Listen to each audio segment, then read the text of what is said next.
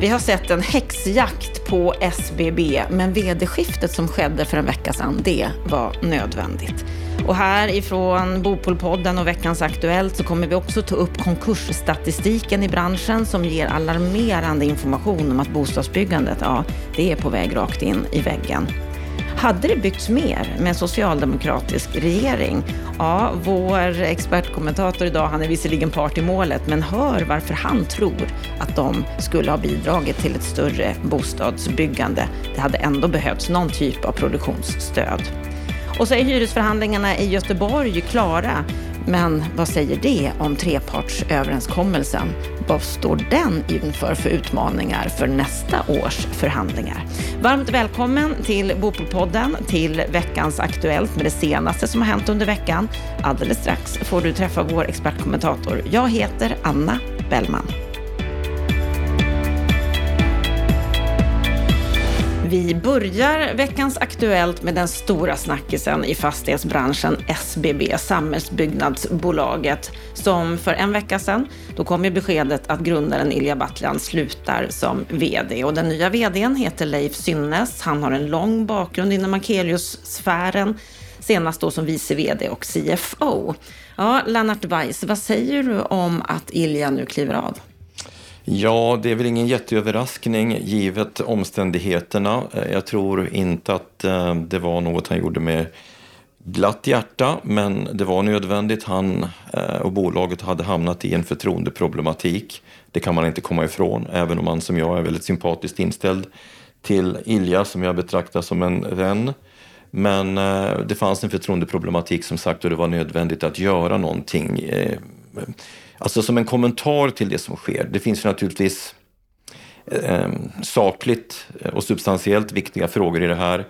Men det finns ju också ett tydligt drag av opportunism i den här hetsjakten mot SBB som jag tycker är väldigt störande. Det, det, vi ser nu är ju journalistik i sin absolut sämsta form där man går på person, där man dramatiserar Eh, och, och, blåser upp saker och ting. Och det, blir ju, det får ju en extra krydda när en före detta socialdemokratisk politiker, det lyfts ju också fram som om det liksom per definition skulle uppstå problem när politiker är i affärsmässig verksamhet. Så är det ju, så är ju inte fallet.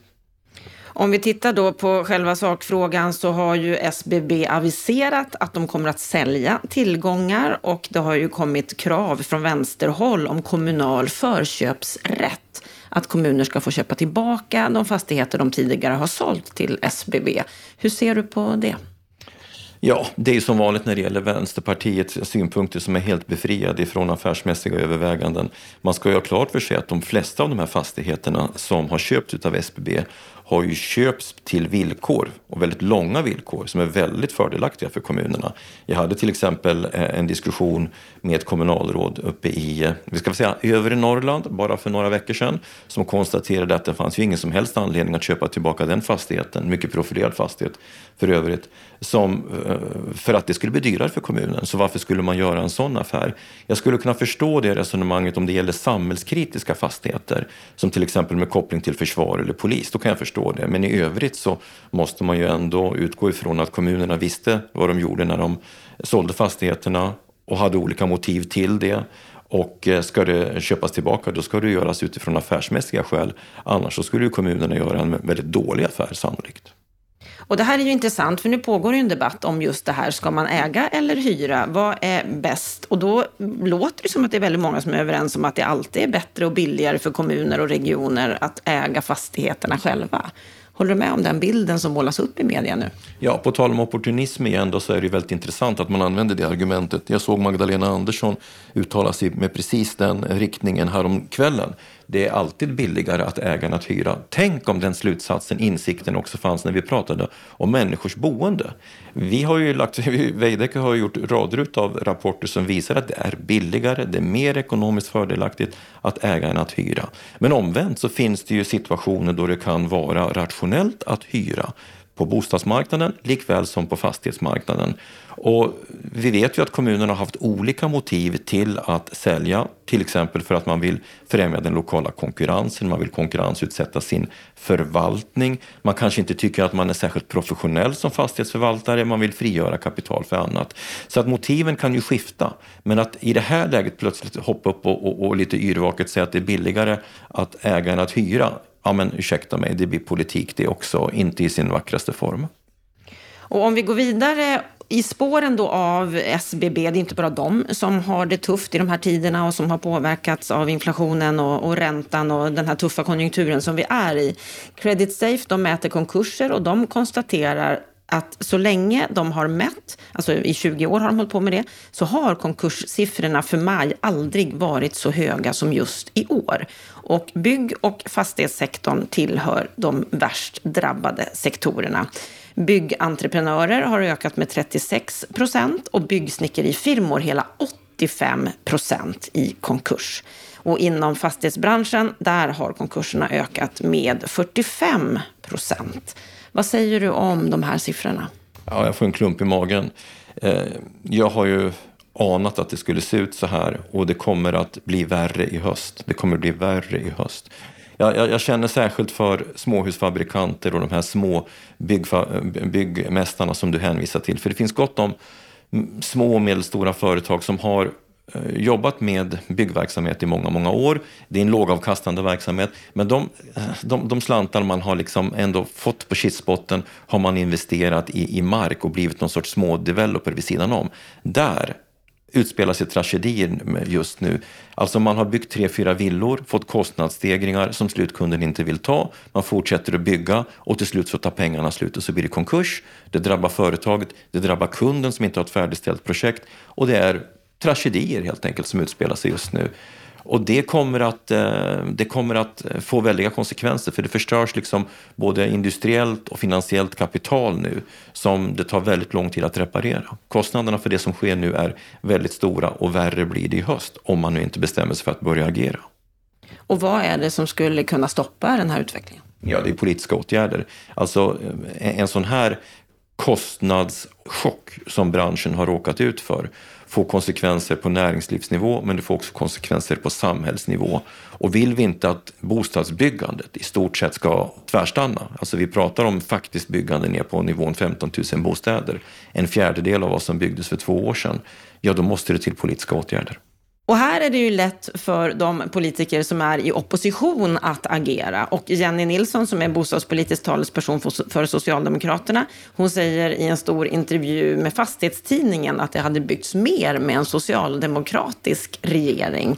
Först helt kort, har hon rätt i det, Lennart? Ja, det har hon nog. Och då vet ju alla att jag är part i målet på ett sätt. Men, men eh, det är ju inte bara socialdemokrater som just nu säger att eh, investeringsstöden hade varit bra att ha. I stort sett en enig projektutvecklings och fastighetsbransch säger faktiskt samma sak. Så att det är inte särskilt sensationellt att hon säger det. Att man drog tillbaka investeringsstöden just nu var otajmat och då vet du Anna att jag är ju principiellt inte fan utav den här typen av utbudsstimulerande åtgärder. Men de behövs i vissa eh, tidpunkter som, som när det blåser eh, snålt eh, ekonomiskt. Däremot så ska man ju då, om man ska nyansera Jennys uppfattning, säga så här. Det hade säkert byggts mer, men man kan också fråga sig om det hade byggts på, på rätt ställen. Det hade fortsatt eh, att byggas runt Malmöregionen och västra eh, Skåne. Det hade varit bra, men det hade inte varit så särskilt bra samhällsekonomiskt att bygga fler bostäder i Skövde, för att nu peka ut dem igen. Eh, utan vad vi hade behövt egentligen, det är ju en vridning utav investeringsstöden, en annan typ av produktionsstöd som hade stimulerat bostadsbyggandet längst upp i norr i Sverige och i våra storstäder. Och det menar jag fortfarande är nödvändigt. Vi berättade ju i förra veckans Aktuellt att Socialdemokraterna har efterlyst en kriskommission, något som du gick ut och påtalade några dagar innan de gick ut med det här. Vad säger du om deras satsningar, eller vad man ska säga, deras aktivitet kring bostadspolitiken just nu? Ja, jag kan ju skryta med att jag nog var först ute och, och drev kravet på en bokriskommission. Jag skrev en ledare om det och jag uttalade mig i SVT Aktuellt Rapport. Och sen har byggföretagen hakat på och nu hakade Socialdemokraterna på. Det är bra och det visar att det finns äntligen en insikt om vad som håller på att ske. Det finns också en sense of urgency. Så att jag hoppas att regeringen inte låser sig i någon typ av prestige här. För det behövs en kriskommission.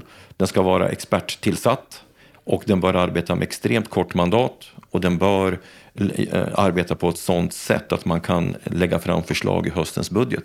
Kommer det att ske? Nej, tyvärr tror jag inte det, men det är vad som skulle behövas. Och när vi pratar politik så kan vi ju konstatera att det är väldigt sällan som högerblocket och vänsterblocket är överens. Det är sällan Socialdemokraterna och Moderaterna är överens, men det händer faktiskt. Och vi har ett sådant exempel här. Linköpings båda kommunalråd, socialdemokraten Kristina Edlund som är ordförande i kommunstyrelsen och moderaten Niklas Borg som är vice ordförande, de sågar i ett debattinlägg i Svenska Dagbladet den dom som kom från Högsta förvaltningsdomstolen nyligen som säger säger att en kommun är skyldig att betala försörjningsstöd för bostadshyra till en klient som uppenbarligen hyr sin bostad svart. Och i det här aktuella fallet så gällde det Göteborgs kommun. Edlund och Borg de menar att det är vansinne att bidrag göder en svart marknad. Och de skriver bland annat så här.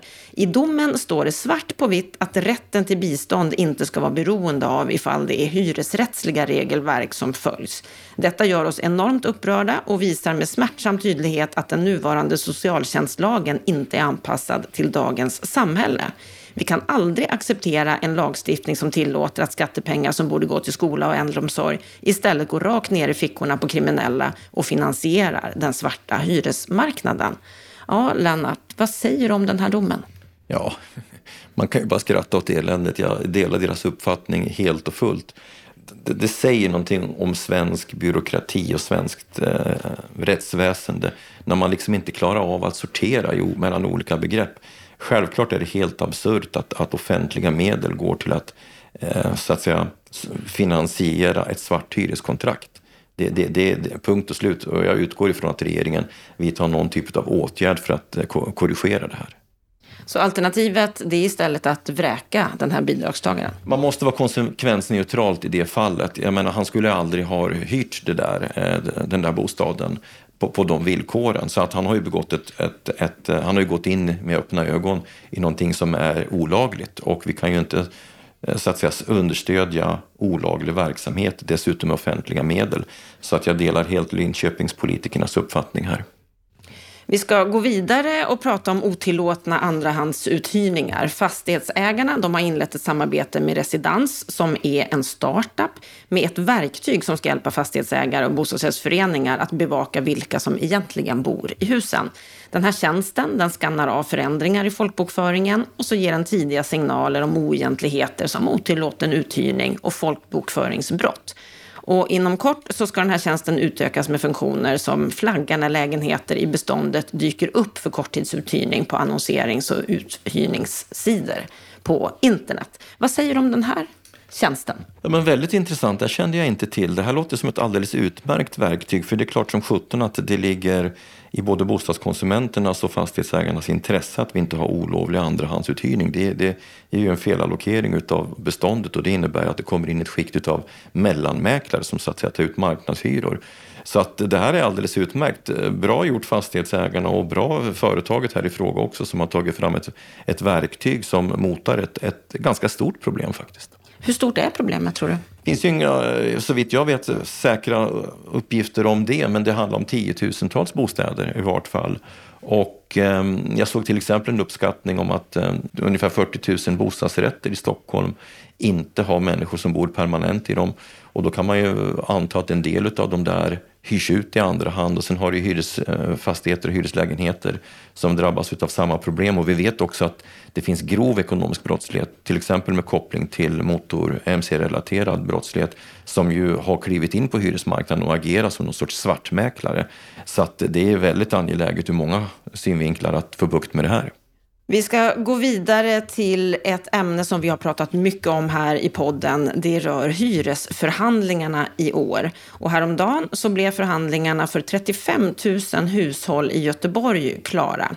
De här höjningarna de ligger på mellan 2,25 procent för nybyggnation och 4,2 procent och gäller från 1 april i år.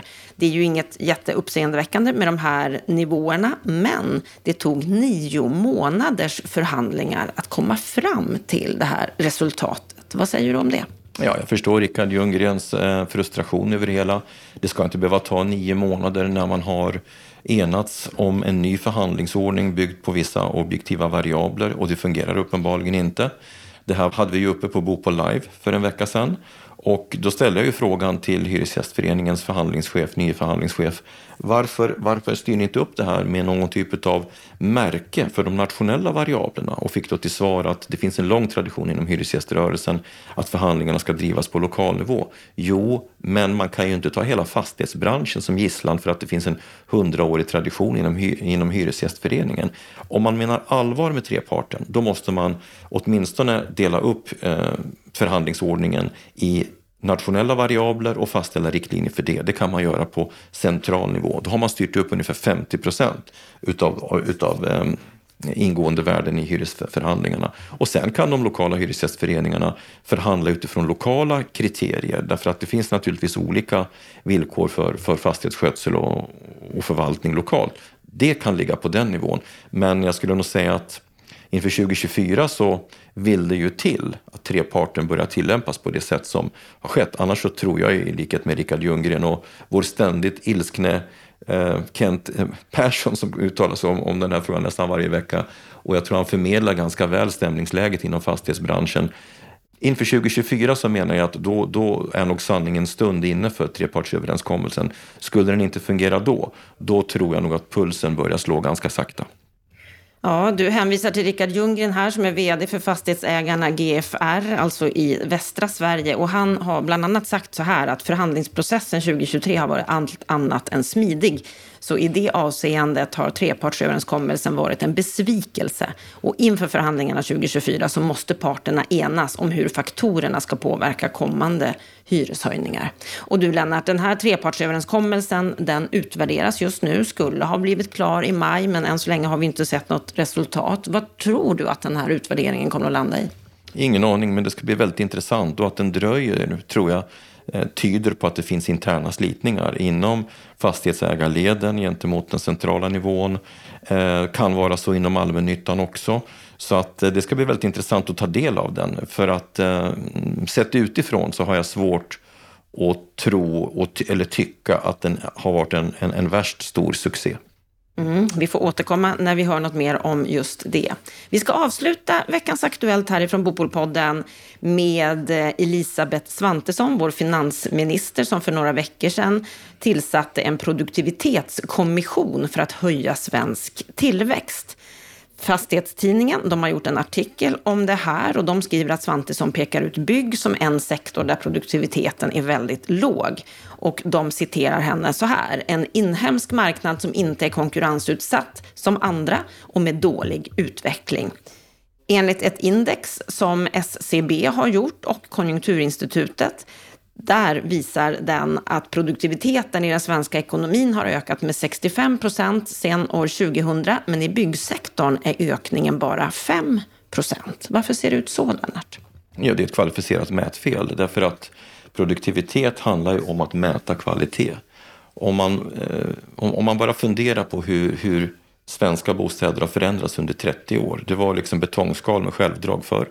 Idag är det är det hus med väldigt eh, låg energianvändning. Jag brukar dra exemplet Hammarby Sjöstad där energianvändningen var 150 kilowatt per kvadratmeter och år. Nu är vi nere på 40 till 50, det är bara ett exempel. Vi bygger en annan produkt idag, men, men, produktivitetsmätningarna har svårt att fånga det här. Jag skulle säga så här att rent allmänt är bostadsstandarden väsentligt högre idag i moderna bostäder, men det fångas inte av de här mätningarna. Så det är ju bra ur den synvinkeln att man tillsätter en produktivitetsutredning, för då kanske vi äntligen får en utredning som reder ut politikernas systematiska missförstånd. För Svantessons uttalande är ju närmast pinsamt. Alltså, har vi för låg konkurrens i den här sektorn? Vi har 100 000 byggföretag. Är det för få så borde det vara fler. De fem största bolagen har en marknadsandel på 20-22 procent. Vad har Telia för marknadsandel? Vad har detaljhandelns stora jättar? ICA 50 procent. Alltså det är ett ständigt hackande på den här branschen ifrån politiker, men även myndigheter. Konkurrensverket är ju också alltid ute och snurrar i den här frågan, delvis även Boverket. De kan knappt, ibland undrar jag, vad är det för bransch de pratar om? Pratar de om arkitekterna, materialleverantörerna, byggentreprenörerna, fastighetsbolagen? Eh, eh, eh, eh eller vem pratar man om? Alltså, det är ett sammelsurium av missförstånd som är fruktansvärt irriterande. Så det är nog bra att man tillsätter en utredning så att några sakkunniga för ovanlighetens skull får grotta i de här frågorna. Du får ju medhåll i din analys här av Johan Deremar som är prognosansvarig hos byggföretagen. Han anser att den här statistiken ger en felaktig bild, precis som du säger Lennart. Och han menar att en parameter för produktivitetsutveckling, det är högre kvalitet. Och han menar också att det är svårt att mäta kvalitetsförbättringar i bygg på samma sätt som exempelvis för bilar eller elektroniska produkter. Och så säger han så här, att en motorväg byggd idag får inte högre kvalitetsvärde än motorvägen byggd för 30 år sedan. En tredjedel av byggindustrins verksamhet är även ombyggnationer, renoveringar och reparationer med låg produktivitetsutveckling. Resultatet är då att bygg framstår som dyrare men inte bättre. Detta har vi påtalat för SCB. Vad säger du om hans uttalande? Heja, heja Johan, du har helt rätt. och med den hejandet så avslutar vi faktiskt veckans Aktuellt härifrån Bopolpodden idag. Och så vill vi göra reklam för vårt program på måndag. För då kommer vi bland annat prata om vikten av att det byggs i norr, att kommuner och regioner, de har det tufft ekonomiskt just nu och staten, den är alldeles för kortsiktig staten är riktigt kortsiktig. Det är ju liksom, man kommer ju med utspel under löpande år. Det finns ju i, man säger ju att i, i budgeten så sa man ju i höstas att ja, men nu ska vi ge 2 miljarder till regionerna för att öka antalet vårdplatser. Hittills finns det liksom inget besked om hur det där ska gå till och nu har halva året gått. Och de gäller för i år. Ja, där hörde du Annika Wallenskog som är chefsekonom på SKR i Sveriges kommuner och regioner. Hela samtalet med henne, det hör du på måndag. Med detta så tackar jag dig Lennart för din analys idag och så tackar jag dig som lyssnar på Bopolpodden. Gå gärna in på bostadspolitik.se och läs mer av vad som händer i branschen. Ha en riktigt trevlig helg.